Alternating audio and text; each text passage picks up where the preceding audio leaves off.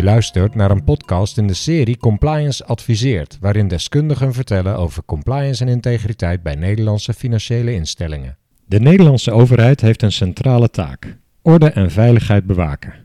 Een deel van die taak wordt uitbesteed aan marktpartijen. Financiële instellingen zijn onder de Wet Bestrijding Witwassen en Financiering van Terrorisme, de WWFT, verplicht witwassen tegen te gaan door uitvoering van customer due diligence en transactiemonitoring. Voor een belangrijk deel wordt witwasbestrijding ingezet om de onderliggende criminaliteit, voornamelijk drugshandel, te bestrijden. Misdaad mag niet lonen, is het credo.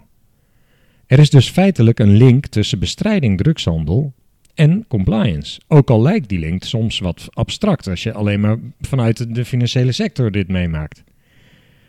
Zoals gezegd, de Nederlandse overheid heeft een centrale taak: orde en veiligheid bewaken.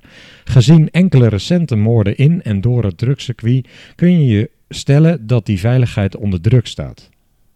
Aanleiding voor deze podcast was een interessante bijdrage op LinkedIn in juli dit jaar van Greetje Bos, wethouder leefbaarheid, wijkveiligheid, financiën en energie, dat is nogal wat, van Breda. Daarvoor 16 jaar werkzaam als officier van justitie.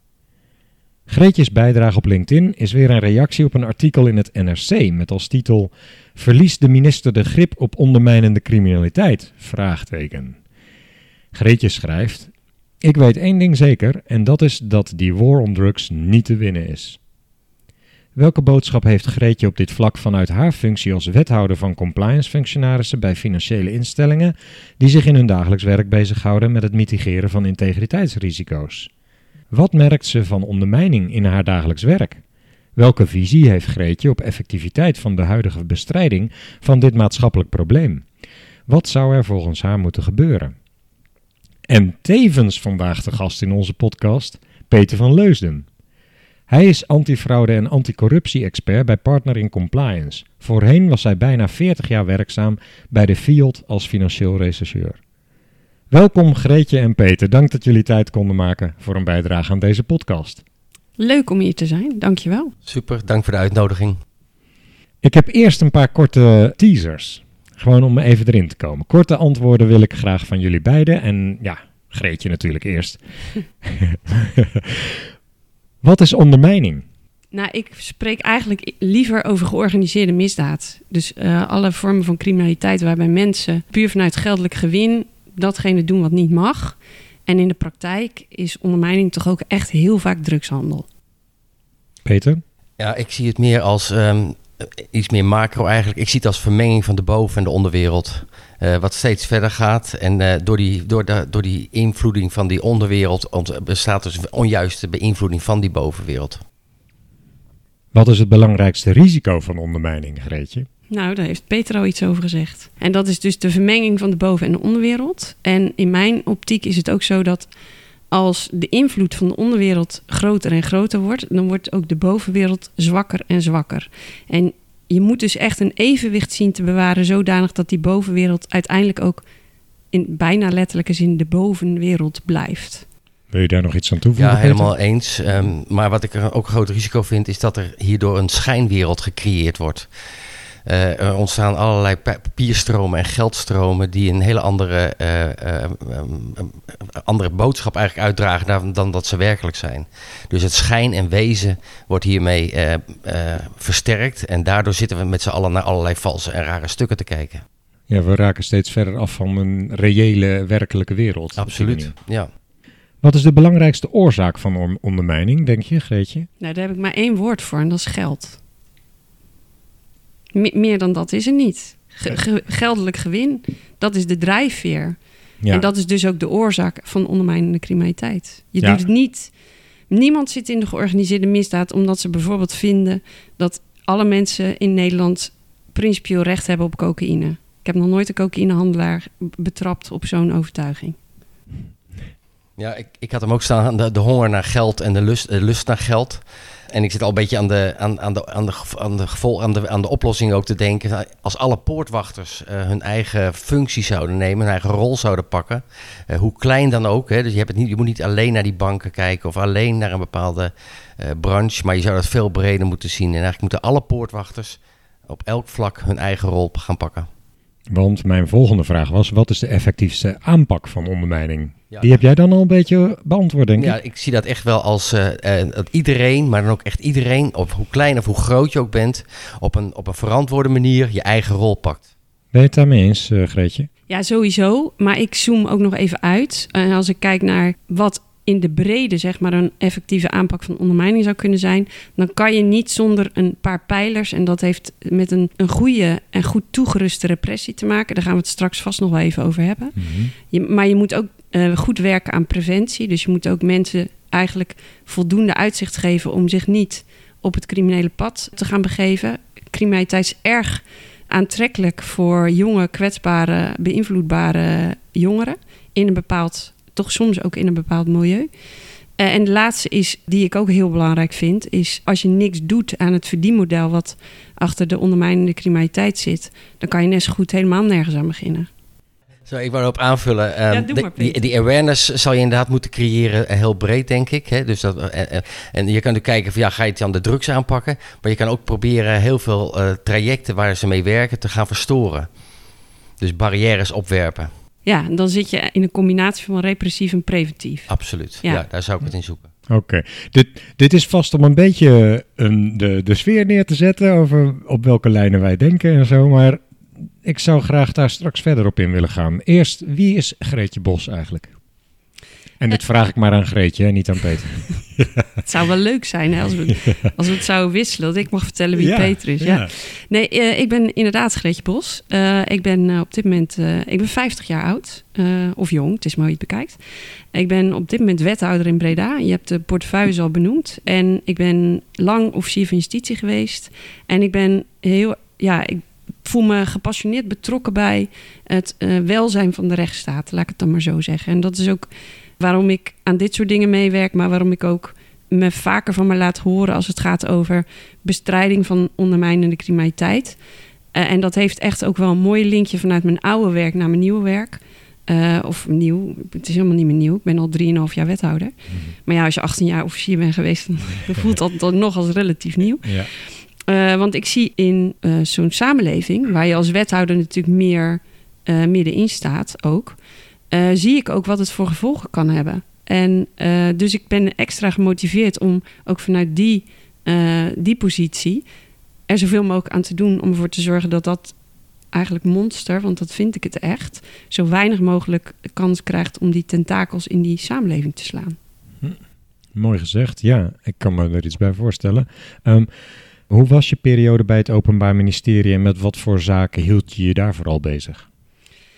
Nou, ik heb een hele mooie periode bij het Openbaar Ministerie gehad. Ik ben eh, een buitengewoon, ik kijk in buitengewone dankbaarheid terug op die, eh, op die periode. Want het is een geweldige eer om dat werk te mogen doen. Het is overigens ook bij tijden heel zwaar. Dus ik weet ook echt wel wat ex-collega's die nu ook met moeilijke en grote zaken bezig zijn, wat die doormaken. Op wat voor manier is het zwaar?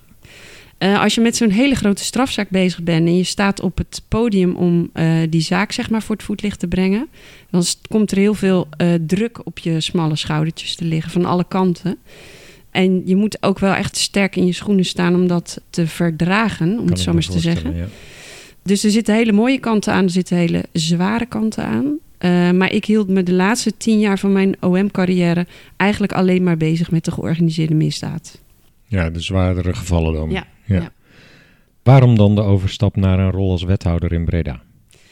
Nou, dat was niet zo gepland of zo. Ehm, Mhm. maar eh, Maar het ik- kwam ook niet eh, per ongeluk. nee, nee, dat, de zulke dingen komen nooit eh, per ongeluk, denk ik. Maar Nee. ik was al wel langere tijd lid van een politieke partij. En ik heb ook wel actief mijn best gedaan om regelgeving waarvan mijn inzicht was dat het niet werkte, om daar andere regelgeving voor te krijgen met meestal goed succes. Dus ik kende de politiek wel een beetje en hoe dat werkte. Een beetje, zeg ik met nadruk trouwens. Eh, dus ik was ook wel een beetje bekend, denk ik, in die kringen van zo'n politieke partij. En ik ben gewoon gevraagd of ik het leuk vond om wethouder in Breda te worden. Daar kreeg ik natuurlijk veel te weinig tijd voor om erover na te denken. Maar ik heb eigenlijk de vraag maar beantwoord door mezelf een tegenvraag te stellen. En dat is als ik dit nou nu niet doe, ga ik dan ooit die vraag nog een keer krijgen? En toen dacht ik, nee, dat gaat natuurlijk niet gebeuren. Dus dan moet ik het maar wel doen. En wat stelde je je daar dan bij voor? Want bij het Openbaar Ministerie had je een bepaalde missie. Mhm. En vind je dat je die in je nieuwe rol nu beter kan vervullen dan? Of? Anders. Niet beter. Kijk, iedere rol is, heeft zijn eigen mogelijkheid om je missie eh, ja, bot te vieren, om het zo maar eens Mhm. te zeggen. Eh, en bij mijn, in mijn OM-tijd ben ik vooral aan de repressieve kant bezig geweest. En wat ik gewoon buitengewoon inspirerend vind, is dat ik nu in deze rol veel breder kan kijken. Dus eh, ook, maar vooral ook aan de preventieve kant kan, eh, bezig kan. Maar ook aan de awareness kant. Dus inwoners wijsmaken. Gewoon vertellen wat er aan de hand is, hoe ze zich kunnen wapenen. En ook vrij kan lobbyen eigenlijk en praten over datgene wat ik denk dat nodig is om dit probleem echt goed aan te pakken. Ja. Heb je persoonlijk werkelijk het gevoel dat dat ook lukt in die rol? Kom je daaraan toe? Ja, zeker. Ja. Eh, ik ben met dit onderwerp al een tijd lang bezig. En eh, ik merk gewoon dat er steeds meer ja, mensen zijn die, dat, die die boodschap graag willen horen, maar die ook bereid zijn om te accepteren dat als je zo'n groot probleem wilt oplossen, dat je dan, nou oplossen of in ieder geval mitigeren, laat ik het zo zeggen, wat kleiner maken, het probleem. Dat je dan niet meer toe kan met datgene wat we tot op heden hebben gedaan. Dus mensen zijn steeds meer bereid om te accepteren dat dat dus Ook echt nodig is. ja, maar ook controversiële oplossingen misschien wel Ja. eh, eh, nodig heeft. Ja, ja. We gaan er straks verder op in. Vooral ook wat dat probleem dan is en wat jij in je huidige werk ziet. Ik wil Peter ook graag even de kans geven zich eh, voor te stellen. En wie is Peter van Leusden? Nou, Peter Verleusden, ik ben iets ouder dan Greetje. Ik ben namelijk eh, net 61 geworden. 40 jaar in de overheidsdienst gewerkt, waarvan de eerste jaren bij de Belastingdienst, later bij de FIOD. Prachtige ja, carrière gehad daar, mag ik zeggen. In mijn antwoorden zit een aantal overlappen, ook op de dingen die Greetje ook net zei. Ik herken heel veel dingen die zij zegt. Kwamen jullie elkaar ook tegen bij, eh, toen Greetje bij het OM Ja, werkte? Ja, ja. Ja, ik, ik mocht vooral de laatste jaren ehm, wat aan de grotere zaken werken. Dus ik werd projectleider en ik mocht leiding geven dus aan een team rechercheurs eh, eh, op de grotere, omvangrijke financieel-economische criminaliteit eh, zaken. En in dat kader ja, kom je natuurlijk, ben je constant met officieren aan het schakelen. Dat was mijn rol ook wel. Het, het, mijn, mijn rol zag altijd op het tactisch-strategisch denken. Eh, en dus je moet die rechercheurs eh, eh, nou ja, helpen om zeg maar, de goede dingen te doen in, in een goede projectmatige manier. En je hebt altijd het gezag van het Openbaar Ministerie aan de andere kant. Die tenslotte toch die bewijsmiddelen moet aandragen om die zaak veroordeeld te krijgen. En ik ben altijd ook op zoek geweest naar andere oplossingen dan alleen maar dagvaarden. Dus ik, ik was ook wel een groot voorstander van het eh, transigeren, het schikken. eh, omdat het gewoon een andere methodiek is. En ik zeg niet dat het altijd goed is. Maar in heel veel situaties kan transigeren in mijn ogen een hele goede, snelle oplossing zijn. Om een bepaald impact of effect, effect wat je zou willen bereiken, om dat sneller te bereiken dan een rechtszaak. Waar, nou ja, wat Geetje ook al zegt, het is ongelooflijk zwaar. Het is langdurig. eh, je krijgt van alles over je heen aan die kant. En ik, ik, ik, ik besef me dat ook wel. Wij probeerden ook altijd die officier natuurlijk te ondersteunen met zoveel mogelijk feiten en omstandigheden. En aan jij werkte dragen. eigenlijk wat meer in de luwte, denk ik. Of Ik niet? werkte, ja, maar toch, eh, als je zegt, eh, Geetje zegt het was zwaar, eh, het- ook dat heb ik wel ervaren als zwaar. Eh, want je hebt best wel een enorme verantwoordelijkheid als je in aan dit soort zaken begint. Het is heel makkelijk om even te zeggen, ja, ik ga de bakker de cautie geven omdat die verdacht is en een onderzoeken. Eh, maar dat is helemaal niet zo makkelijk. Hm. En, en je moet weten wat, wat, het, wat het doet met mensen. En ik heb altijd gewerkt vanuit de overtuiging dat ik, ja, ik, ik, ik wil andere mensen behandelen zoals ik zelf ook graag behandeld zou willen worden. Eh, en dat heb ik altijd geprobeerd. Maar toch moet je daar wel vinden natuurlijk dat je, dat je ja, strak genoeg in de wedstrijd zit. Eh, en, en, en, ja, dat, nou, en, en iemand er echt eh, als verdachte aanmerken. Nou, kijk maar naar de laatste zaak nu met de ING en, en, en ABN. Dat nu ook de bestuurders nu tot een aansprakelijkheid komen, hè, een juridische aansprakelijkheid. Ja, dat, dat is best heftig natuurlijk. Mhm, Dat heeft grote gevolgen. Ja, persoonlijk en- voor mensen, ja. En dat besef je. En als je aan zo'n zaak begint, besef je ook wat de gevolgen kunnen zijn voor mensen, maar ook voor de maatschappij. En voor jou, waarom de overstap naar eh, de rol bij compliance, eh, of partner in compliance Nou ja. moet ik zeggen. Ja. Ja, nou dat is ook, ook eigenlijk soort gelijk wel. Ehm, A had ik het vrij lang gedaan en ik was wel steeds weer op zoek naar andere uitdagingen binnen de field. En die heb ik altijd gevonden. eh, en, en ook altijd mooie plekken gezeten. Maar op enig moment komt er ook een moment, ik werd 60, ik zat 40 jaar bij die baas. Toen dacht ik, ja, is dat nou zo'n compliment? Hè? Moet je dat vieren? Of moet je misschien ook gewoon eens zeggen, hé, hey, je bent niet zo gek flexibel geweest misschien de laatste jaren. dus, en toen toevallig liep ik ook hier op tegen, tegen eh, de directeur van Partner Compliance, uh, Danny Smit. En, en hij had ook een bepaalde, uh, ja, een, echt een intrinsieke strijd tegen, tegen corruptie en fraude. en hij doet heel veel aan compliance werkzaamheden. En hij zocht uh, zeg maar iemand die hem verder kon helpen met een team bouwen om, om dit vanuit zeg maar, de private kant ook te doen. Ja. En daar zag ik, ja, wacht even, wat, nou, wat ik nu al die jaren bij de field heb gedaan vanuit, nou ja, inderdaad bestrijden en veroordelen en beschuldigen en dus echt de stok zijn, dacht ik, ja, ik zou het ook wel eens een keer willen proberen aan de kant van, van de private kant, in het voorkomen, in het creëren van awareness, in het geven van trainingen en, en ook bedrijven helpen compliant te worden. Wat zijn je eerste inzichten in je huidige rol? Ik ben geschrokken. Hoezo? Ik, het is misschien hier en daar nog erger dan dat ik verwacht had. Ik schrik soms van, eh, soms ook niet hoor. Ik moet eerlijk zeggen, het, het heeft twee kanten. Maar ik, ik, schrik hier en daar heel erg wat ik in de boardroom hoor. Uh, dat, dat business uh, toch altijd nog onvoorstelbaar belangrijk is. Dat compliance mensen het op de werkvloer heel zwaar hebben om, om, te, om hun punt te maken en, en zeg maar de, de middelen en de, en, de, en, de, en de mogelijkheden te krijgen om echt compliant te zijn. En ik schrik vooral dat ik bijna geen bedrijven tegenkom die hun klanten echt kennen. Hm. En daar begint alles mee in mijn optiek. Als jij zaken doet met iemand en je kent je klant niet, maar jouw, jouw commerciële belangen zijn het allerbelangrijkste, dat, dan is dat nou ja, een extreem risico. En, en Geetje zei net ook het woord mitigeren. Ja, dat is iets wat ik on, constant nu blijf maar gebruiken, ook in mijn huidige werk. Ken je risico's, schat je risico's in en probeer ze te mitigeren. Je moet er gewoon mee omgaan.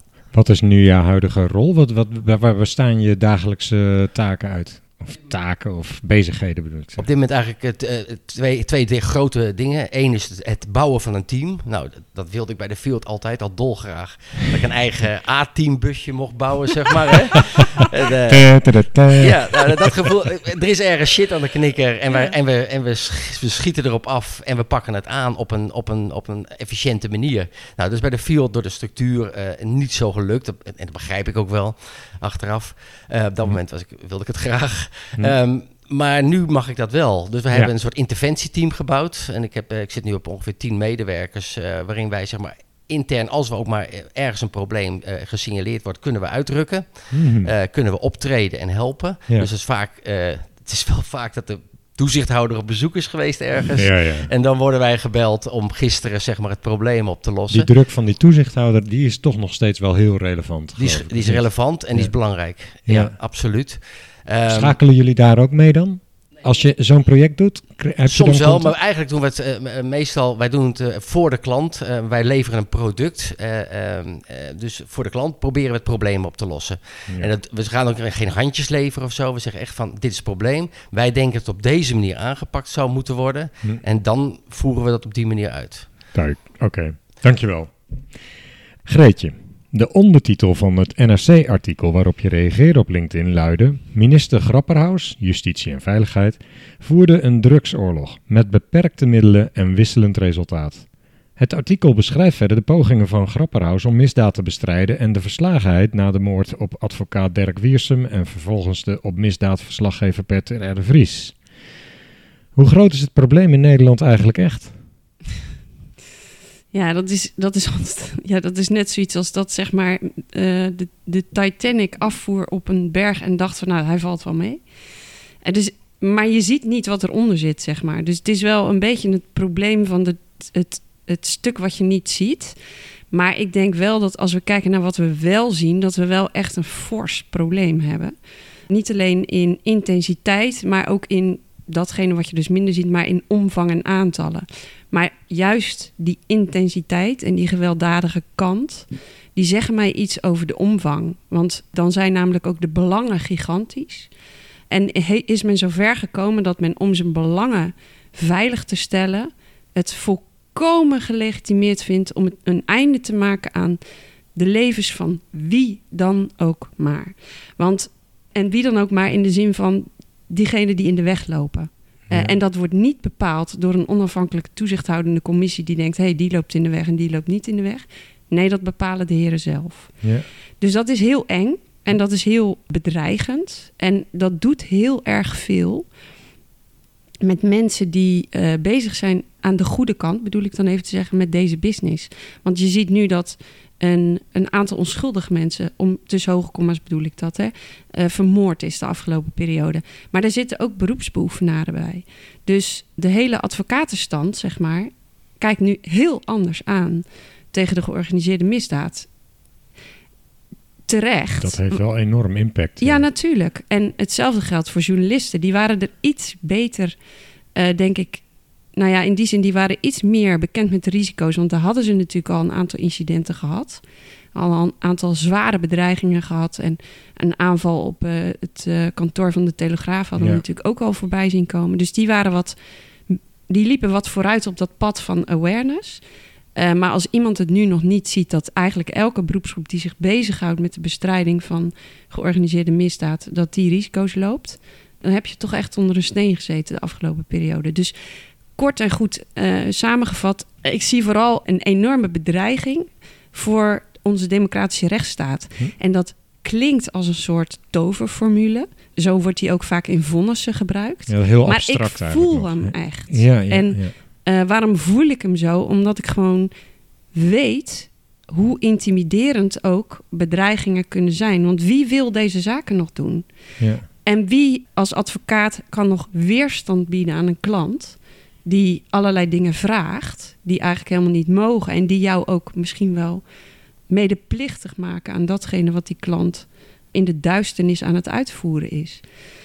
Dus ik zie echt een enorm risico voor onze democratische rechtsstaat. Uh, Ja. En ik ben ook zeer gemotiveerd om te proberen om in ieder geval dat, uh, die awareness daar, daarvan tussen de oren te krijgen. En Peter die had het net over dat hij geschrokken is van wat hij ziet in de boardroom. En dan zegt hij, dan zijn het de handelsbelangen die, uh, die eigenlijk toch de overhand hebben.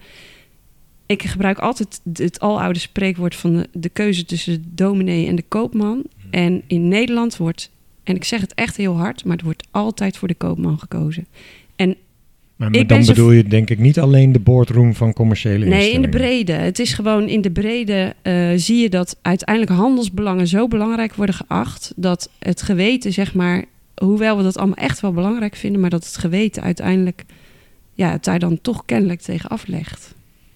En hoe vertaalt zich dat concreet naar die situaties eh, zoals we net genoemd hebben met eh, de moord op de advocaat Dirk van Iersum bijvoorbeeld? Nou, wij zijn gewoon als Nederland zijn wij een geweldig land waarin, want een van onze, onze kernkwaliteiten is wel dat we geweldig goed zijn in handel drijven. Echt geweldig goed in handel drijven. Dat zit in ons DNA, maar dat zit ook in onze ligging en in onze. Nou, Dat alles heeft werkt ons ook mee. ver gebracht. Het heeft ons zeer ver gebracht. Maar we zijn dus net zo'n aantrekkelijk land voor al diegenen die illegale handel willen drijven. Ja. En het aanpakken van diegenen die de illegale handel willen drijven, dat is nooit tot volle wasdom gekomen. En als je zeg maar aan de repressieve kant. Ik wijs ook niet met een beschuldigende vinger, want ik, ik vind het ook helemaal niet zo zinvol om dat te doen. Maar ik stel gewoon feiten vast. Mhm. Als je aan de repressieve kant gewoon ook structureel eh, te weinig handen aan het bed hebt om ervoor te zorgen dat je een beetje een vuist kan maken, dan ga je het daarmee ook niet redden. Mhm. En ondertussen is de omvang zo groot dat de beperkte eh, tegenmacht die daar tegenover kan worden gesteld, ja, gewoon onvoldoende is om nog een. Is Nederland de strijd aan het verliezen? Ja, dat denk ik wel. Dat is wel heel ernstig, hè? Denk jij daar ook zo over, Peter? Ehm, ja, nou ja, ja zeker. Ehm, en nog aanvullend op wat Geetje zegt. ehm, we hebben het nu gehad over journalisten natuurlijk en advocaten. Maar ik maak me ook heel veel zorgen om de officieren en de rechters. Eh, Want dat zijn natuurlijk volgende stappen of opspoorders. Eh, dus ik, ik zie daar ook grote risico's en daar, daar moet echt iets moeten gebeuren. Die VOC-mentaliteit, eh, ja, ja, die, die is er absoluut. Ik, ik ben heel erg geschrokken van een van mijn eerste corruptiezaken. Ik zal geen namen noemen, maar toen heb ik daar eens een keer een presentatie over gegeven bij beleidsvoerders. En waar sommige mensen echt in de zaal aan mij vroegen: wat is er mis met deze structuren? Eh, en, en daar ging om honderden miljoenen corruptie. Hè? Eh, alleen het raakte Nederland niet in de, in de portemonnee. Nee, het raakte een ander land in de portemonnee die er erg veel Mhm, armer van mhm. werd. Mhm. En dat geld stroomde naar, eh, n- naar, naar prinsen en, en koningen, zou ik maar even zeggen. Mhm. Nou, alleen die opmerking al was ik echt flabbergasted Hmm. over. En, en, en dat, dat, dat is voor mij ook het grote risico. En dat waren niet de minste mensen die dit zeiden. Mm, Nu snij je trouwens wel iets interessants aan, want we begonnen deze podcast met eh, de drugscriminaliteit. Ja. Je haalt er nu corruptie uit andere landen bij.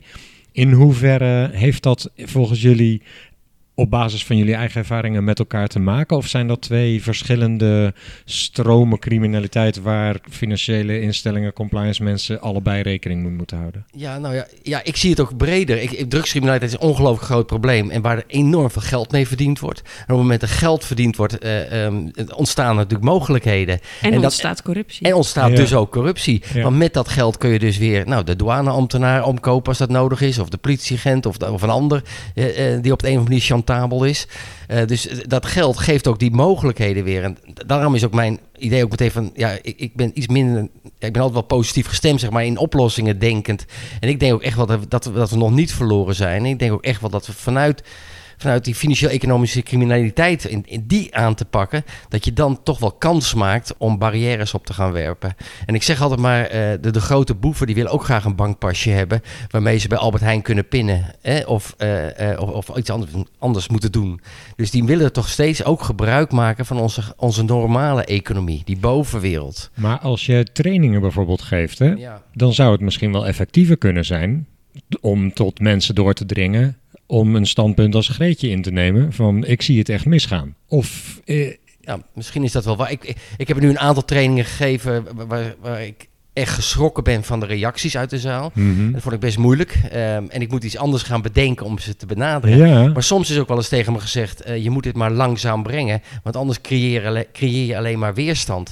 Ja, dat is de zachte heelmeester of, of de harde. Ik, ik, ik weet het niet. Maar ik, ik, dit zet me wel aan het denken, ja. En ik, ik wil. Maar als die boardroomfiguren zo op winst uit zijn, is dat niet ook waar je ze op moet kietelen dan? Want Ja. volgens mij, in die end, is het helemaal niet zoveel beter voor je economie als je dit soort dingen laat gebeuren, toch? Eens. Nou, ik, ik ben ook van de harde lijn eh, op zich hoor. Maar ik, ja, ik zoek nog wel naar middelen om, het, om, het, om, het, om de boodschap goed te brengen. Ja, En ik probeer ze vooral een ja. spiegel voor te houden. Van als je nou s'avonds in die badkamer staat en je, en je kijkt jezelf aan.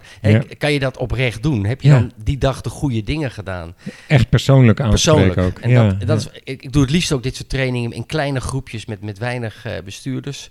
Eh, gewoon aan tafel, dat werkt het allerbeste. Ja. Gewoon met elkaar spreken. Maar je, je, krijgt heel snel het verwijt, ja, je bent alleen maar met het, met het beschuldigende vingertje aan het wijzen. En daar gaat het mij helemaal niet om. Hebben die bestuurders volgens jou nog echt een eh, besef van wat er in de wereld buiten de, eh, hun eigen bedrijf gebeurt? Want Greetje gaf ook duidelijk aan, het gaat om iets wat in de samenleving gebeurt.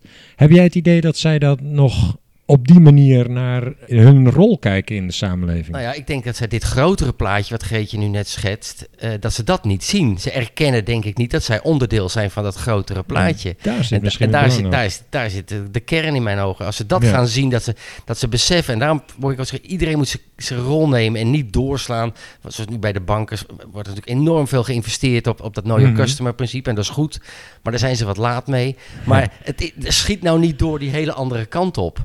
Want van die, van die bank zijn natuurlijk 95% van de klanten, 99% van de klanten zijn prima klanten waar niks mee aan de hand is. Maar het is de kunst natuurlijk om die echte crimineel ertussenuit te halen en Mhm. die het leven moeilijk te maken. Denk je niet dat ze deze aantallen f- compliance-minded personen nodig hebben in hun organisatie om dit voor elkaar te krijgen? Nou ja, je hebt twee dingen nodig. Je compliance-minded mensen die het, eh, zeg maar, die het beleid uitzetten en, en het controleren en het bedenken. En je hebt natuurlijk de mensen nodig die het uitvoeren. Dat is een ander slag volk. Ja, ja. En, en, en juist die twee moeten, moeten elkaar gaan vinden. Hmm. En die mensen die dus tegen iemand zeggen, die, die zijn klant gaat onderzoeken. Eh, en de baas zegt, wacht maar, dat vind ik niet zo interessant, want ik ken hem wel en ik, eh, eh, ik, ik zou, wel- het is wel goed. Dan denk ik, ja jongen, het is niet goed. En die compliance man, die moet dan, die moet dan ook de mogelijkheid krijgen om daar ook echt wat aan te doen. Ja. En dus als het bedrijf niet gezond genoeg is met, zeg maar, checks en balances hè, van elkaar ook, dan wordt het ingewikkeld. Hm. En ik denk dat, Ja. om nog even door te gaan, Ja. ik denk dat die raad van commissarissen, bij, vooral bij die corporates en zo, dat die een nog veel grotere rol zou kunnen pakken. Ja. En ik, ik hoop ook echt, en ik zie daar ook echt verbetering en, en, en mogelijkheden, dat als bij, als bij hun ook het besef komt, zij zijn eigenlijk de eerste die die, die, die bestuurders ook, eh, zeg maar, wakker kan schudden. ja. En, en, en daar zie ik Ja. wel mogelijkheden. Maar mag ik dan eigenlijk zeggen, dat soort mensen zijn ook deels gewoon eigenlijk een soort van politieagenten? Ja, Nou ja, ja soort van. Ik, weet je, ik, ik vond het verwijt. Je hoort nu af en toe het verwijt eh, dat uh, zeg maar, uh, allerlei bedrijven zeg maar, de rol van de overheid aan het overnemen Ja, zijn. ja. En, en dat hoe ze zie- hoe sta jij daar tegenover? Nee, dat denk ik dus niet. Ik denk dat we met z'n allen. We, we zitten in een maatschappij waar, waar we zien dat er ondermijnende criminaliteit is. Waar we aan kapot gaan. Waar mensen doodgeschoten worden. Ja. Eh, De rechtsstaat staat onder druk. Eh, Dus we hebben er allemaal een rol in. Dus Ja. als je alleen gaat zeggen. eh, ja, dat moet de politie maar oplossen. Dat vind ik veel te makkelijk. Duidelijke boodschap. Jij kan als. Nee, maar ik bedoel ook eigenlijk niet zo... eh, Zo bedoel ik hem niet hoor. Toen ik zei van als RVC moet je je beseffen dat je daar dus ook in, een rol in speelt. Ja. Maar als ik dan zeg, dan ben je dus eigenlijk een politieagent. Daarmee bedoel ik niet te zeggen, eh, dus zij krijgen de rol van de politie opgedrongen of zo. Dat, ik, ik begrijp waarom je, waar je vandaan komt. Ik vind, die vierde, ik vind die RVC echt de vierde lijn van defense. Juist, ja, ja, ja. Nou is Peter dus, Greetje, Peter is dus teleurgesteld over wat hij tot nu toe gezien heeft bij Mm. de Raad van Commissarissen en bestuursroom. Ja. Wat is jouw indruk van op jouw niveau als je om je heen kijkt in de politiek? Is die awareness die jij hebt, is die er? Nou, kijk, je praat nu wel met twee mensen die wel vanuit een hele specifieke eh, tak van sport komen. Eh, en die dus op een andere manier dan de gemiddelde mens, laat ik het dan maar zo zeggen, op de hoogte zijn van wat er speelt. En die iets meer in staat zijn om achter die façade te kijken, zeg maar. Want je moet je niet vergissen in wat 40 jaar field met je doet en wat 18 jaar OM met je doet, waarvan 10 jaar echt in de georganiseerde misdaad.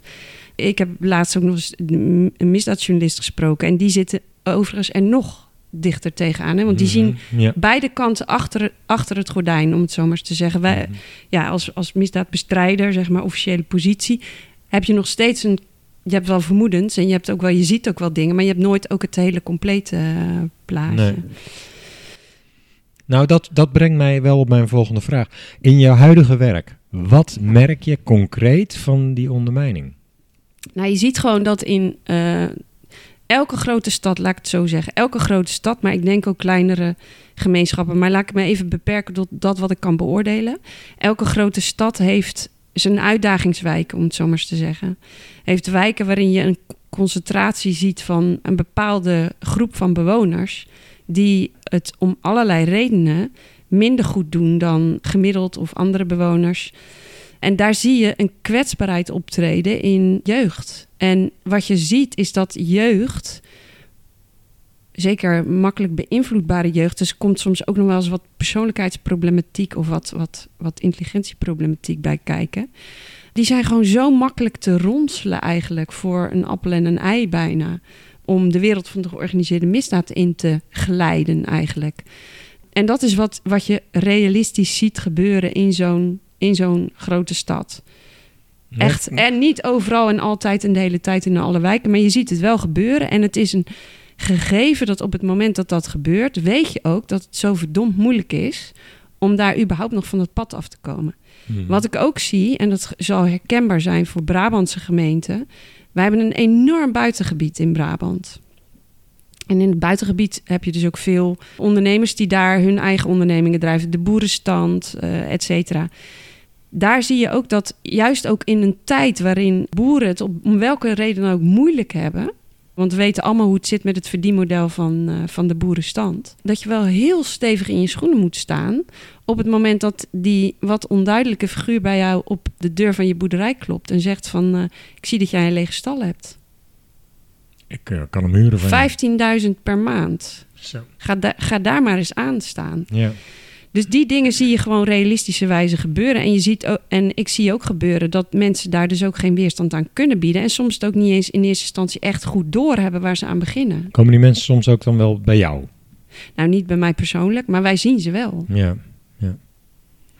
Dus dat is wel echt. Nou ja, en, en eh, Peter die had het net over, over de, die corruptiekant. En eigenlijk die, al die onderzoeken die nu naar buiten toe komen... met al die ge, ontsleutelde en geëncrypte berichten, zeg maar... die laten echt ook zien dat corruptie beperkt zich niet tot grote bedrijven. Sterker nog, die zit ook gewoon bij functionarissen... die aantrekkelijk zijn voor de georganiseerde misdaad. En waar ik wel van geschrokken ben door die berichtgeving over die... Het is nog maar sumiere berichtgeving, maar ik lees natuurlijk tussen de regels... omdat ik snap die berichtgeving. Mhm.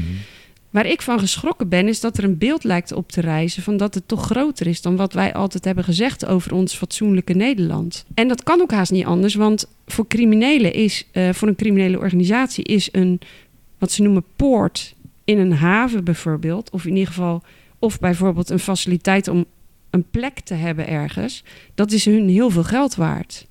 En die plekken en die poorten, die worden bewaakt door overheidsfunctionarissen. En die overheidsfunctionarissen, die worden dus klaarblijkelijk ook regelmatig benaderd.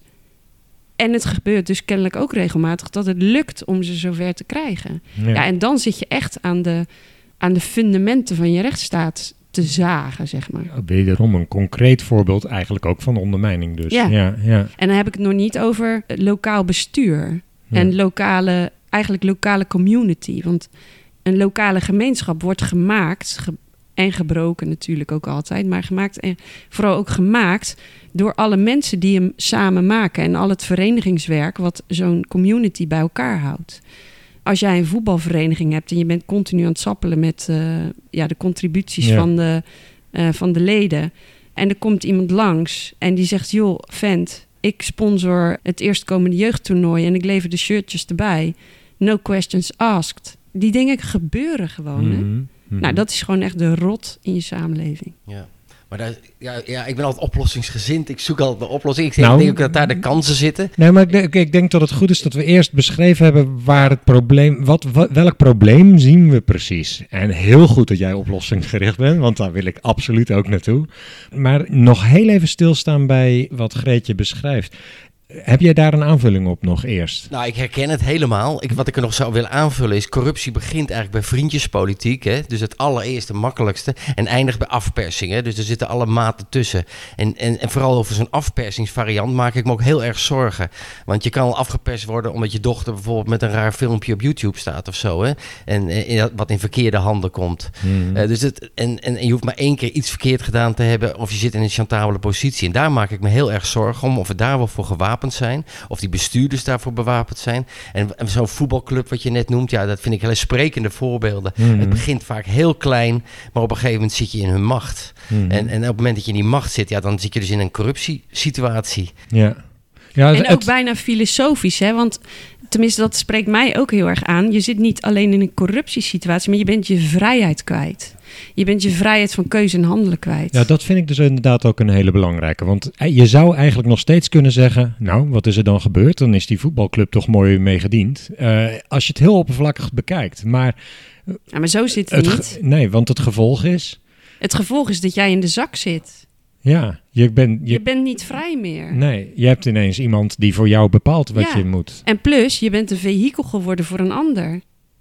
Um, ja, en dat begint met geld en het eindigt echt met geweld, hè? Ja. Dus het gaat van geld naar geweld. Ja. Mm -hmm, En ook heel grenzeloos geweld. En, en daar gaat het natuurlijk echt heel erg mis. Zijn jullie zelf wel eens op zo'n soort manier benaderd? Ik ben nooit op deze manier benaderd. En gelukkig maar ook.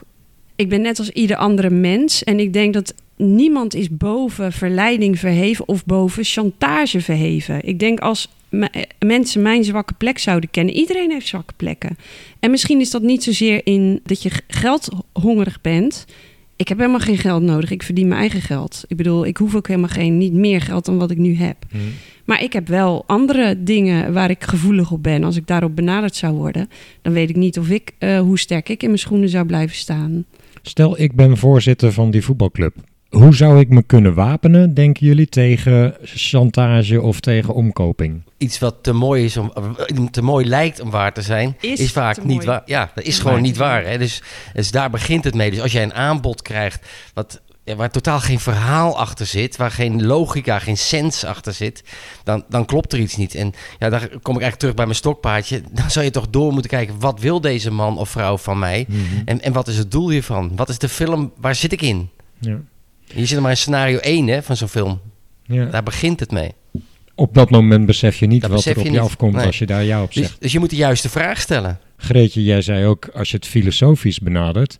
Ik kan me voorstellen dat, het, dat er ook een filosofisch kantje zat eigenlijk aan jou. Eerst, helemaal in het begin van de podcast, zei je... het gaat eigenlijk ook om egoïsme, om geldbelustheid. Uh, Is dat ook een handvat wat je kan gebruiken Nou- om te beseffen, hé, hey, hier gebeurt iets wat eigenlijk alleen maar die persoon dient in plaats van de samenleving?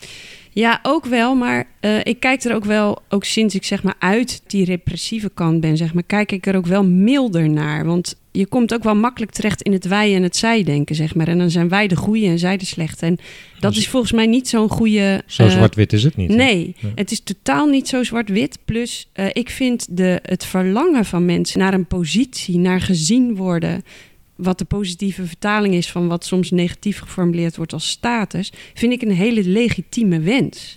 Dus er zit ook, denk ik wel, daarom ben ik ook zo, zo geporteerd, van dat je niet enkel maar meer kan kijken naar die repressieve kant. Je moet veel breder dan dat kijken. Je moet die, eh, die en dat noem ik dan de preventieve kant. Dat verlangen naar die positie is, is, zo is zo legitiem. Mensen willen gezien worden. Dat is een basisbehoefte van mensen. En daar kun je dus ook op inspelen op het moment dat je bezig gaat met zo'n preventieve aanpak. En, en die jeugd vast gaat pakken die eh, kwetsbaar is. Want je geeft ze dat wat ze graag willen op een andere manier dan dat iemand die ze voor zich wil laten lopen geeft. Op wat voor manier? Nou, heel simpel. We hebben in Breda een project. Dat heet Grote Broer, Grote Zus. Ik ra- raad elke luisteraar aan om dat te googlen. Overigens roep ik ook altijd luisteraars op om als ze in hun omgeving zo, zoiets waarnemen, om daar dat ook zulke soort projecten ook te helpen. Op welke manier dan ook. Je hoeft niet geld te geven, maar helpen eh, om ze te kunnen eh, om te floreren. Wat doen die? Dat zijn maar vier, maar tussen hoogkomens vier betaalde medewerkers en een hoop goodwill. eh, en wat facilitatie vanuit de gemeente, zeg maar. Eh, en die, die zitten in wat moeilijkere wijken in eh, Breda. En die pakken jeugd beet die tussen wel een schip valt. Die krijgen ze van alle kanten aangereikt. En die zijn vijf dagen in de week, acht uur per dag. Bieden zij gewoon een plek waar die jeugd komt. Maar niet alleen maar een plek. Nee, er is een, ze leren dingen. Ze leren vaardigheden. Ze leren, krijgen zinvolle eh, dingen om te doen. Maar er zit ook een rangen- en een standensysteem aan vast. Dus als je binnenkomt als jonkie of als jongste bediende... dan begin je in de bronzen stand en je mag, als je het goed doet... en je steeds meer verantwoordelijkheid gaat nemen... groei je uiteindelijk door naar een gouden status. En als je de gouden... Ja, zo simpel kan het zijn. Nou hè? ja, dat vind En als Dat, jij de dat gouden- gangs in feite ook. Ja, die doen ja. precies hetzelfde. En als jij de gouden status hebt, dan krijg jij, dan hoort daar dus ook bij dat je verantwoordelijkheid neemt en dat jij ook leiderschapsvaardigheden laat zien. Dus dat zijn ook de jongens en meisjes die dus groepen leiden. En merk en dit je is dat? in al zijn eenvoud is dit werkelijk waar. Dit werkt gewoon. Ja. Ja. Mooi. Nou, we zitten nu al wel aan de kant hè, waar jij al heen wilde, de effectieve aanpak. Peter, wilde je daar nog iets aan toevoegen? Nou, hoogstens eh, trainingen geven, eh, awareness creëren, dat vind ik heel belangrijk. Maar weet je, kan, we hebben hele leuke trainingen gegeven, ook gewoon bij, bij stichtingen bijvoorbeeld, die op hun manier die alleen maar goed willen doen. Hè. Het zijn vaak goede doelenstichtingen en die tegen allerlei hele grote problemen aanlopen. En ik begin al mijn training ook altijd te zeggen, ik ga je de oplossing ook niet geven. Ik, ik erken dat het heel erg moeilijk is. Ik erken ook dat je soms in situaties terechtkomt ja, wat, wat, wat, wat bijna, niet, bijna geen weerstand in te geven is, hè, of wat, wat je gewoon overkomt. Eh, maar je moet, ik probeer wel mensen hun ogen te laten openen en kijk om je heen en zie wat er gebeurt. En zit ik nou in die schijnwereld hè, en, en kom ik in een soort moneyland terecht, of zit ik in die werkelijke wereld? ja. En ik, ik wil iedereen oproepen die te maken krijgt met, met, met schijnstukken. Ja, die moet daar scherper op worden en scherp zijn. En dat moet je niet willen. Je moet niet in je administratie allerlei rare facturen of contracten willen hebben die niets meer met de werkelijkheid te maken hebben. Ja. Ik zit wel ook te denken, wat moet een transactiemonitoring-analyst bij een, eh, bij een bank hiermee? Nou, waarschijnlijk, misschien mag ik eerst zelf proberen alvast iets te formuleren erop. Want eh, in ieder geval, eh, jullie verhalen geven heel veel context bij wat er in de samenleving werkelijk gebeurt. En op basis van die gebeurtenissen, die kan je in kaart brengen. En daar, daar gebeuren dingen die je bij eh, in transacties misschien terug kan herkennen. Als een voetbalclub altijd eh, heeft lo- lopen sappelen en nooit geld heeft gehad voor allerlei dingen en ineens heel rijk eh, begint dingen uit te geven, dat is zo'n soort signaal, denk ik dan. Klopt. Toch? Zijn er andere dingen waar je Nee, maar jij, iets mee kan? je benadert het nu eigenlijk van, van boven meer naar beneden. ja. Ehm, ik zou zeggen, alles begint weer, ik heb het vaker gezegd, het begint bij die bank of bij die waar je ook maar zit, zeg maar. Begint het, kan ik, ken ik mijn klant. En als Ja, die klant natuurlijk. weet wat het is en of, of als dat een pep is of een, of een ander figuur is of er komt een, moeilijk klant, en dan, dan weet je dus dat er een bepaald risico is. En je begint dus met, doordat je je klant goed kent, ga je een risicoanalyse maken en je gaat een profiel opstellen. En als jouw profiel in orde is, dan kun je daar ook kijken van welke mitigerende maatregelen kan ik daarop treffen. En dan, kan je dus ook, dan, valt zo'n, dan moet zo'n betaling van een miljoen in één keer, wat nou, bij Philips heel normaal is, maar wat bij, bij die voetbalclub ineens heel abnormaal is, die, die valt eruit. Dus als je het, het hele systeem goed inricht en steeds backtesting doet en al dat soort zaken, gewoon goed kijkt naar, naar constant bezig met, met, je, met je proces. Dan heb je dat proces op een gegeven moment onder controle. En dan heb je ook veel minder mensen nodig. En heb je ook veel minder false positives in die hoek van Mhm. transactiemonitoring van jou. Nou, toch luister ik nu naar voorbeelden. Een boer die zijn schuur verkoopt. Een eh money mule uit een eh, arme wijk. Een voetbalvoorzitter van een voetbalvereniging. Zijn dat de eh, mensen die je als hoog risico inschat? Nee, dat- nee, niet per se als hoog risico. Maar als die boer, eh, als het bankgedrag van die boer is niet huurverkopen, eh, huurinkomsten. Nee. Normaliter. Als nu ineens, en het ligt ook aan hoe wordt die betaald. Want die, huur, die boer wordt vermoedelijk met contant, geld ja. betaald. Mhm. Dus die komt ineens met allerlei kaststortingen. Ja, Eh, bijvoorbeeld, dat of zou hij gaat... in de gaten Dus moeten lopen. dat- je, Ja. je, kan over, je moet over elke casus op zich nadenken en de film zien. Je moet het, he- het hele filmpje Ja, kunnen precies. herkennen. Ja. Dat was in mijn opsporing, mijn vak ook. Gewoon, zie nou wat is de film van A tot Z en wie zijn de spelers in die film. En wie zijn dan de belangrijke en minder belangrijke spelers. En dat geldt eigenlijk voor dit soort situaties ook. Wat is de film? Wat gebeurt hier? Ken je klant dus. Ja. Da- daar begint het gewoon mee. Peter, ehm, in dat artikel wat Greetje becommentarieerde in LinkedIn, zei Greetje nog ook iets anders. En daar wil ik het ook graag even over hebben. Want we hebben het nu nog een beetje toch over het oplossen van een eh, probleem aan de zijkant, zeg maar. Maar zit het probleem niet nog veel in, meer in de kern? Greetje, wil jij daar iets over vertellen? Of Nou, zal, ik, zal ik een voorzet geven? Wat wil je? Jij mag altijd een voorzet geven, dan maak ik er wat leuks van. ja, je zei iets over eh, legalisering, geloof ik. Ik zei zeker wat over legalisering.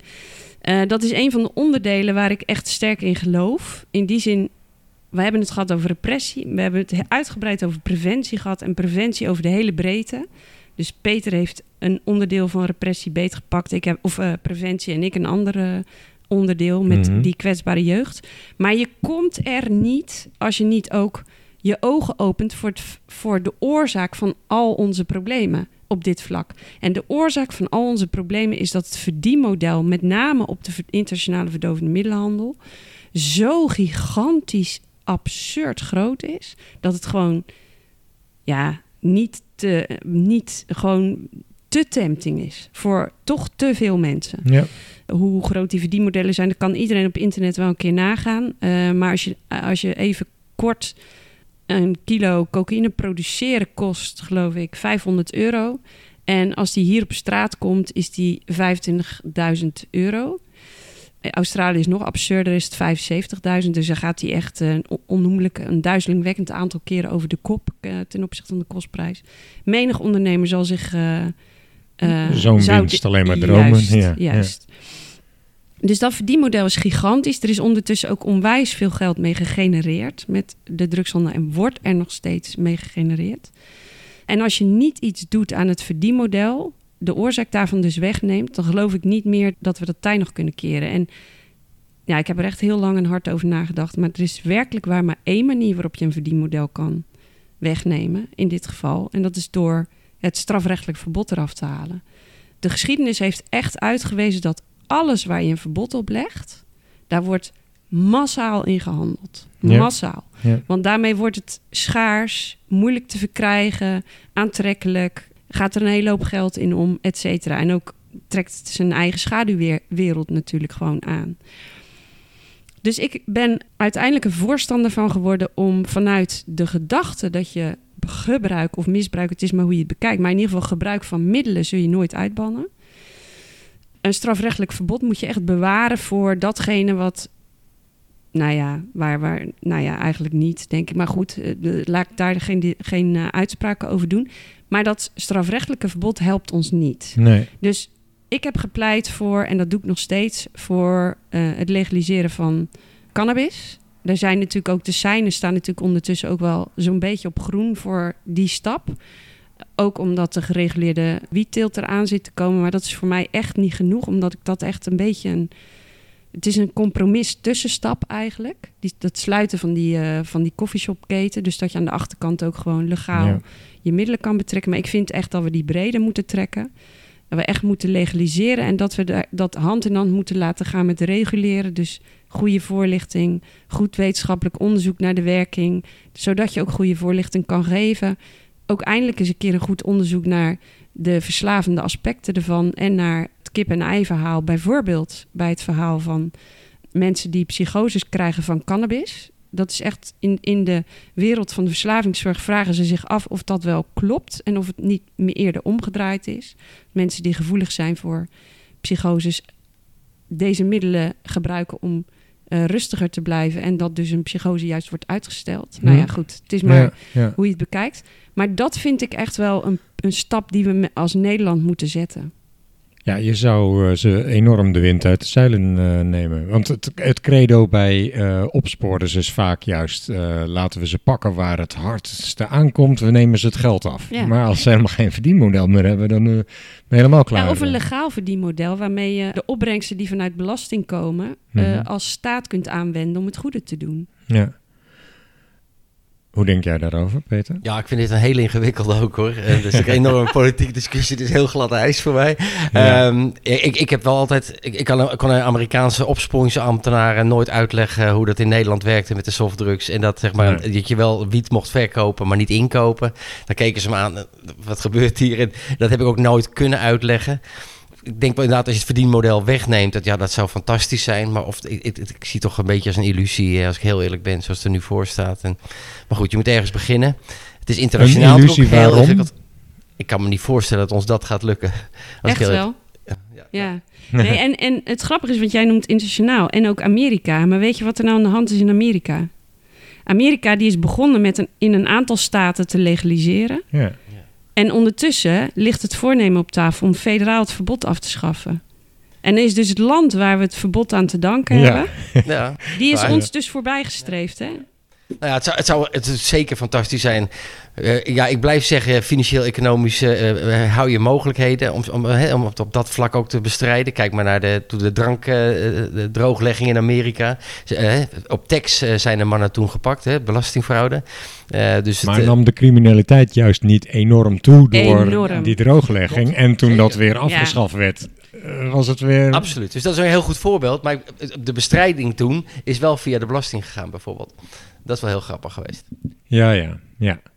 Ehm, wat ik nog ook wel als angstig beeld heb erbij nog een beetje... als dat je alleen aan cannabis zou denken om dat te legaliseren... dat die eh, figuren die daar nu veel winst mee maken... een hardere drugs gaan eh, vervoeren om daar weer winsten, dezelfde winsten mee of Ja, misschien maar- wel meer. Weet je wat het is? Cannabis is het instapmodel eigenlijk voor de grotere criminaliteit. Dus ik pretendeer ook niet dat je met het legaliseren van cannabis het hele probleem hebt opgelost. Maar je zult ergens moeten beginnen. Ja, ja. En dit is denk ik politiek echt wel haalbaar. En dit is in de samenleving ook haalbaar, want hier is voldoende draagvlak voor om, dit, om deze stap te zetten. Mensen zien daar ook echt de redelijkheid van in. Alle eh, groepen die ik heb toegesproken hierover, en dat zijn er ondertussen aanzienlijk veel, Mhm. die zien de redelijkheid van. Ja, dat is ook wel. Het, is ook wel, het zou ook echt wel een oplossing kunnen zijn. En dat komt ook omdat. Want Peter die zei, en dat, ik snap jou, jou daarin wel van ja, ik ga me niet mengen in die politieke discussie. Maar ik probeer juist hem ook los te koppelen van al die hitte erover. Dus over de voor- en de tegens van. En mag je nou wel of niet drugs gebruiken? Ik erken gewoon in de feitelijkheid dat er een verlangen bestaat bij de mensheid om verdovende middelen te gebruiken. Of het nou drank, laten we wel wezen, erg verdovend middel. Hm? eh, sigaretten of eh, die andere drugs die we op de lijst 1 en 2 van de opiumwet hebben staan. Of, dat, of die dat nou zijn. En ik probeer er naar te kijken dat we met elkaar een groot probleem hebben op te lossen. Namelijk het probleem van de georganiseerde misdaad Ja. moet kleiner worden. Zou de helft van uh, Fiat-rechercheurs niet gewoon leuk iets anders kunnen gaan doen eindelijk dan? Nou, voor de Fiat is toch werk zat, uh, ben ik bang. dus, dat, dus die hebben werk genoeg. En gelukkig doen ze dat ook. Wat mij betreft krijgt de Fiat nog veel meer mensen om, om, om dit werk voor te zetten. Want ik denk dat daar het begin is van, van, een, van een oplossing. Ik kan me er iets bij voorstellen. Ik, ik, ik weet niet of jij veel mensen kent die cocaïne gebruiken. Maar ik ken ze niet. Uh, dat vind ik dan ook altijd zo bizar eigenlijk. Ja, ik weet het er is dus kennelijk een hele economie waar je nauwelijks iets van merkt qua handel zelf. Ik, ik in ieder geval niet. Is het werkelijk ook zichtbaar in Breda? Nou, uh, in de meest letterlijke zin van het woord. Ja, dat je... Dat, dat je, dat je brommetjes ziet je, rondrijden ja, met uh, jongetjes, jongetjes die uh, handelen aan het rondrijden ja, zijn. Ja, Natuurlijk, maar dat zie je in alle grote steden. Dat zie ik ook wel, ja. Ja, nou dat is wel overal. even belangrijk. En, en ik denk ook dat, dat er luisteraars zijn die, die recreatief wel eens een lijntje snuiven. Of een joint roken of... Neem even contact met ons op, alsjeblieft. Een pilletje nemen. We willen graag met je praten. ja, want zijn die niet medeschuldig aan dit hele gebeuren? Die vind ik te makkelijk. Oké. Ik vind wel, kijk, ze houden hem in stand, want zonder gebruikers geen markt. Maar ik vind het wel te eenzijdig om, of hoe noem je dat? Uh, te, uh, te platslaand om, om de schuld daar te leggen. Dat ontslaat een mens niet van zijn verantwoordelijkheid. Dus elk mens wat uh, een lijntje snuift, een pilletje gebruikt of een, een joint rookt, die draagt bij, ja. Want het geld wat hij daarvoor betaalt, is de driver van die hele illegale industrie. En die hele illegale industrie heeft als schaduweffect natuurlijk wel al datgene wat er gebeurt, wat je ziet gebeuren op straat met het geweld, et cetera. Maar om te zeggen dat dus de gebruiker die de middelen gebruikt, dat die de hoofdschuldig is, dat gaat mij te ver. Ja. ja. Eh, Greetje, jij moest op tijd terug. Druk, druk bezet wethouder. Ja. Ik wil graag nog wel de link leggen naar het werk van de compliance medewerkers. Welke boodschap hebben jullie voor ze? Hoe vertalen we wat we nou hebben besproken allemaal naar hun werk? Nou, ik zou beginnen met, uh, er moet in het bedrijf een gezonde uh, escalatiecultuur zijn. Mensen moeten durven uit te spreken en moeten uh, een mogelijkheid hebben om dingen die ze tegenkomen, die ze zien, die ze ervaren op de werkvloer, om dat te escaleren en dat aan te pakken. Uh, en die cultuur die moet, uh, die moet vanuit de boardroom denk ik naar beneden, maar dat geldt groot en klein, zal dat uitgedragen moeten worden. Dus er moet een sfeer komen van veiligheid in bedrijven, dat mensen durven te, te escaleren. Ten tweede moet je als je als bedrijf werkzaam bent, moet je in welke branche dan ook, moet je beseffen welke rol jij eventueel hebt. Daar moet je over nadenken. Welke rol heb ik nou in, in deze hele uh, ondermijnende uh, criminaliteit? En die problematiek daaromheen. Goeie, ja. uh, dus als je, en dat is soms heel klein. Hè? Ik bedoel, dat, ik, ik, ik heb wel eens discussies met, met autohandelaren over waarom nou wel of niet een OT-melding gedaan moet worden. Ze horen toch nooit iets. Maar heel vaak weten ze, de, kennen ze de context niet van het hele FAU-gebeuren. Hoe zo'n bak OT-meldingen werkt, hoe dat naar VT gaat. Ongebruikte transacties, verdachte transacties. Dat proces begrijpen heel veel mensen niet eens. Dus ze doen, een, ze doen een melding en ze zien helemaal het nut er niet van in. Als, ze, als, de, als die, dan dat kom je weer op awareness creëren. Als je meer context geeft over hoe we met z'n allen in Nederland denken dit te bestrijden. Uh, en niet allemaal politieagentjes worden, maar eigenlijk zeggen: iedereen heeft zijn eigen kleine rol in het totale proces. Uh, en die compliance officer die moet dat besef als geen ander hebben. En die moeten zo proberen dat uit te dragen binnen zijn bedrijf. En de mogelijkheid te krijgen om die controles uit te voeren en op tijd te reageren. Dus het begint met ken je klant weer. Ik blijf het zeggen, schat je risico's in. En besef wat er gebeurt als jij wel of niet iets doet. En dat geldt voor een accountant, voor een advocaat, dat geldt voor een autohandelaar, dat geldt voor een makelaar. Dat geldt eigenlijk voor heel veel beroepsgroepen. Ja. Ja. ja, ik denk dat ze vaak niet beseffen dat ze onderdeel zijn van een groter geheel. Of zo. Ja. Greetje. Nou, ik vind dat jij dat heel mooi hebt gezegd, Peter. Want eigenlijk maak je hem heel mooi rond en vat je hem heel mooi samen. Dus ik heb er op inhoud heb ik er helemaal niets op toe te voegen. Behalve dan eraan er wel over te zeggen: de compliance mensen hebben ongelooflijk belangrijk werk. En ik hoop dat wat wij verteld hebben vandaag, dat dat ze wat grote kader geeft waarom ze dat belangrijke werk doen. En dat ze die rol in die keten dus heel nadrukkelijk hebben. Dat is het ene punt wat ik wil, maken. Dus jullie werk doet er gewoon heel erg toe. En is super belangrijk voor het integer houden van onze hele financieel-economische bouwwerk. Op een goede en een rechtmatige manier dat andere punt is dat wij, eh, dat de overheden, ja, jij bent natuurlijk geen eh, overheid meer, Peter, dus ik moet nog even wennen aan eh, dat ik niet zeg wij overheden.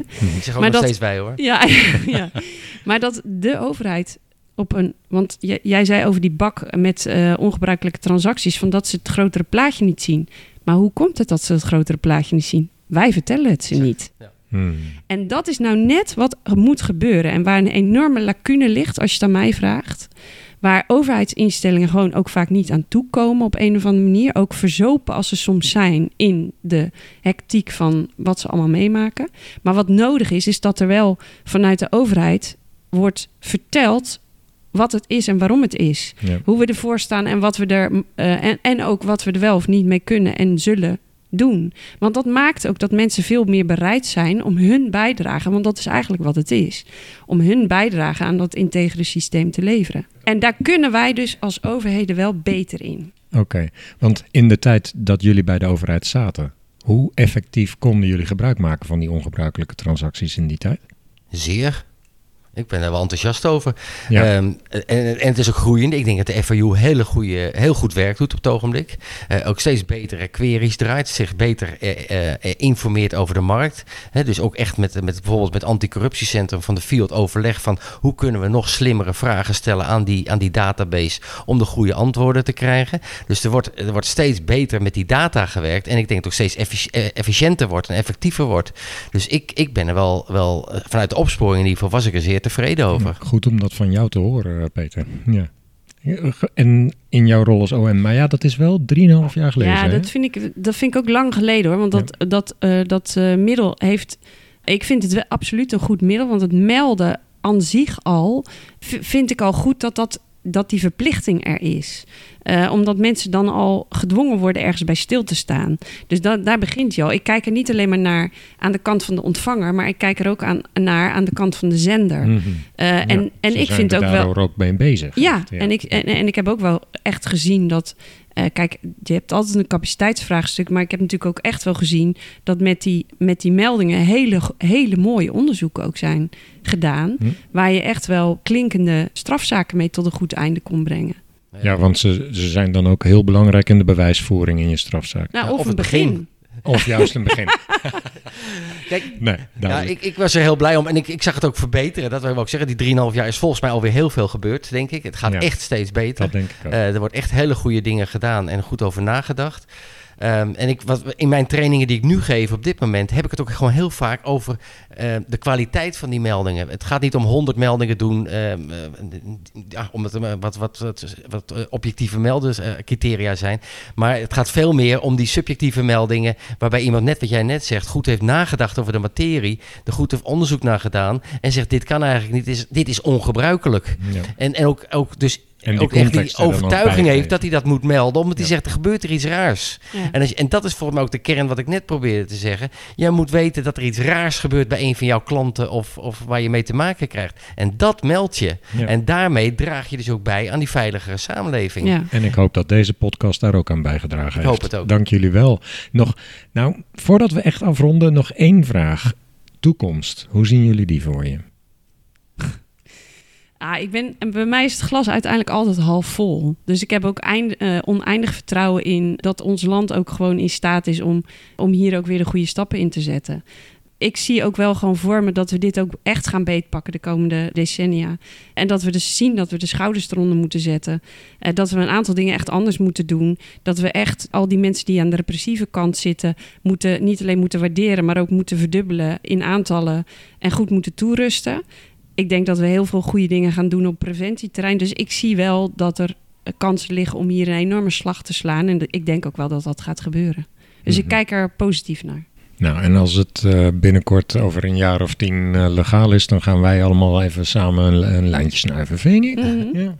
Nou, Peter, wil jij ja, nog iets ja, nou ja, ik, zou, ik wilde ook met het glas beginnen. Als er bij mij een paar druppels in een glas zitten, is die al, eh, is die al half vol. Dat is misschien wat naïef hier gedacht hier en daar, maar daar haal ik wel mijn, mijn kracht vandaan en mijn inspiratie.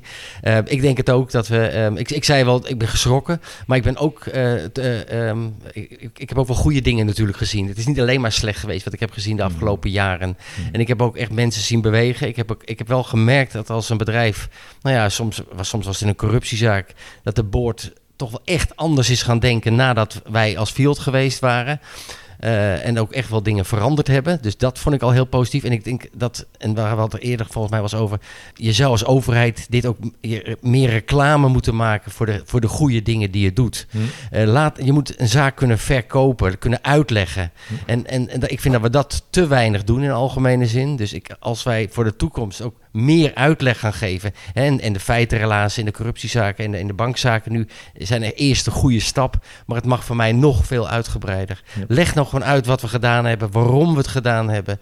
Uh, we zijn integer, dat, daar sta ik duizend procent achter. Dus we hebben gedaan wat we dachten dat het goed was. Op, op, een, op een integere manier. En we hebben daarmee proberen een bepaald effect te bereiken. En dat effect, dat moet je, wel, dat moet je ook reclame voor maken. En dat, dat doen we in mijn ogen nog wat te weinig. Ik denk dat, ik zie daar verbetering in. Dus ik, ik vond ook de laatste transactie met SAV, waarbij Tessa en, en hè, Tessa van de officier, echt een goed interview gaf. Wie was dat? De, de officier van de zaak ja, wat was in, de, in de SAV.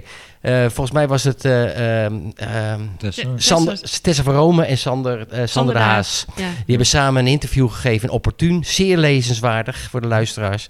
want daar staat ook precies in wat ze gedaan hebben in die zaak, waarom ze met, die, met de, de, dit bedrijf, waar toch in drie, drie dochters corruptie heeft plaatsgevonden, waarom ze een, een transactie hebben aangegaan en welke, welke overwegingen daarbij hebben gespeeld. En ik denk dat, dat dan laat je ook zien als overheid dat je betrouwbaar bent, hè, dat als een bedrijf mee meewerkt, dat daar iets tegenover staat. En dat zijn allemaal dingetjes die voor de toekomst, denk ik, die de wereld een beetje beter kunnen maken. Want als een bedrijf dus constateert dat de shit aan de knikker is, dan moet hij ook het lef hebben en, eh, om te melden. Maar mhm. vervolgens moet hij ook het vertrouwen in die overheid kunnen hebben dat hij op een, op een, op een faire manier uh, behandeld wordt. En nu, in het verleden was het nog, ja, ik steek mijn hoofd in een strop en, en waar begin ik aan? En mhm. door dit soort berichtgeving van Sander en Tessa, denk ik, ja, dat, dat draagt bij. Dank jullie wel. Graag gedaan. Dank dat je luisterde naar Compliance Adviseert. Heb je met plezier geluisterd? Volg dan op LinkedIn de pagina van Compliance Adviseert. En kijk even op onze website complianceadviseert.nl. Laat daar meteen even je e-mailadres achter, zodat je een update ontvangt in je mailbox zodra er weer een aflevering klaar staat om te beluisteren. Heb je een vraag of aanvulling? Laat dan ook even een reactie achter op de LinkedIn-pagina of de contactpagina op onze website. Ik zal het met plezier lezen en wellicht kunnen we op die manier nog meer compliance kennis delen. Heel graag tot de volgende podcast.